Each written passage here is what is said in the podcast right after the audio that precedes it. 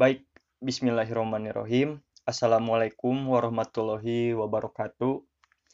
Eh, pada kesempatan ini saya akan menjawab pertanyaan UAS dari dosen pengampu Ibu Meti Mediastuti dengan mata kuliah anti korupsi.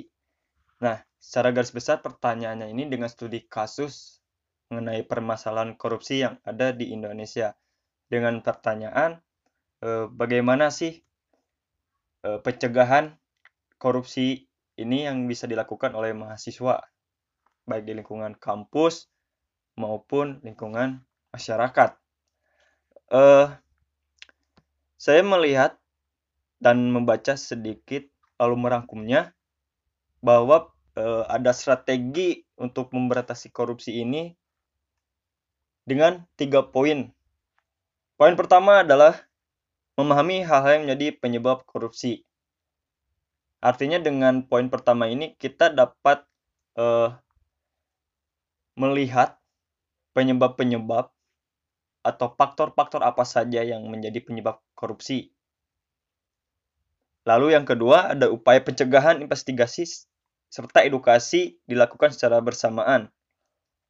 Nah artinya pencegahan ini kalau di Indonesia itu dilakukan dengan adanya badan komisi independen ad hoc seperti KPK. Dia mempunyai dua tiga, fung, tiga fungsi ini sekaligus pencegahan, investigasi, investigasi serta edukasi. Nah, lalu yang ketiga tindakan terhadap kegiatan dari hulu sampai hilir atau kegiatan yang bersifat organisir seperti KPK tadi. Nah, tetapi yang ingin saya soroti adalah mengenai edukasinya nih. Karena edukasi sisi lain tidak hanya beban negara tetapi beban masyarakat juga apalagi mahasiswa itu sendiri. Nah, saya mengutip dari Badan Independen Anti Korupsinya Hong Kong, ICAC, ICAC. Ya kalau di Indonesia itu KPK. Nah, IKEK ini ya dia memiliki uh, tiga pilar penting uh, strategi terhadap anti korupsi ini yaitu preventif, investigatif, dan edukatif. Nah, preventif ini sebagai bentuk pencegahan seperti yang saya katakan tadi dengan membentuk badan independen pemberantas korupsi dengan sistemnya sendiri untuk mencegah korupsi. Nah, investigatif di sini dia adalah uh, upaya penyelidikan lebih dalam lagi terhadap kasus-kasus korupsi yang telah terjadi. Lalu ketiga ada adanya poin edukatif nih. Nah, edukatif ini ya eh, fungsi untuk memberikan informasi, pendekatan terhadap masyarakat baik di eh, badan pendidikan, badan-badan lembaga pemerintahan yang lain itu tetap dilakukan terutama oleh mahasiswa mahasiswa diharapkan dapat memberi informasi uh, lalu apa sih uh, pendidikan pokoknya hal-hal yang berkaitan dengan anti korupsi kepada masyarakat terutama. Karena mahasiswa ini uh, bisa dikatakan paling dekat dengan masyarakat tuh. Penyambung lidah juga kepada pemerintah. Nah lalu selain itu saya mm, ingin memberitahu sedikit potensi yang ada di mahasiswa atau power dari mahasiswa itu sendiri untuk memberantas anti korupsi. Nah, mahasiswa ini memiliki kontrol sosial, artinya dia bertanggung jawab untuk bisa uh, menciptakan kondisi sosial yang kondusif antara pihak masyarakat dengan pihak pemerintah.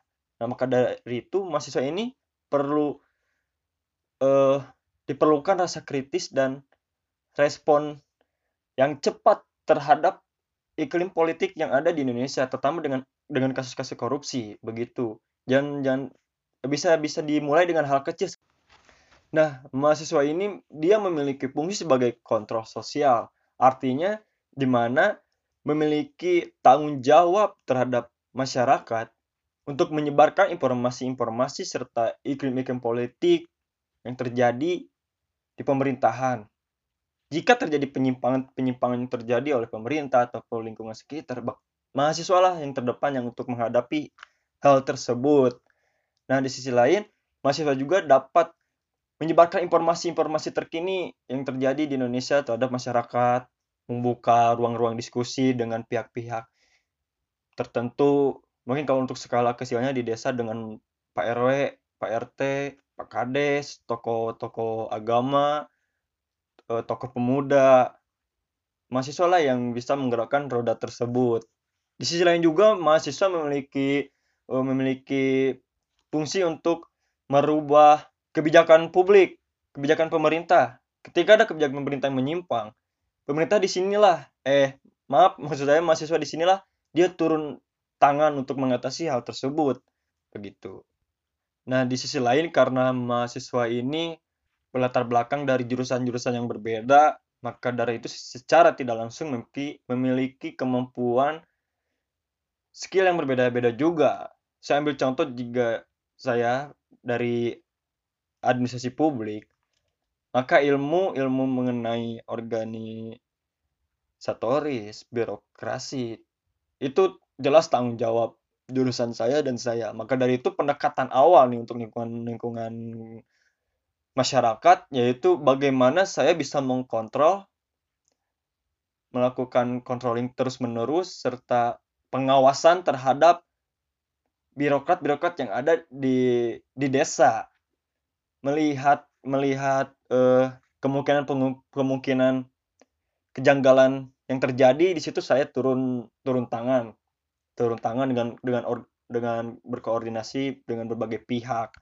Nah bagi saya itu langkah-langkah langkah kecil langkah kecil dari jurusan saya untuk turun aksi mengenai pemberantasan korupsi ini.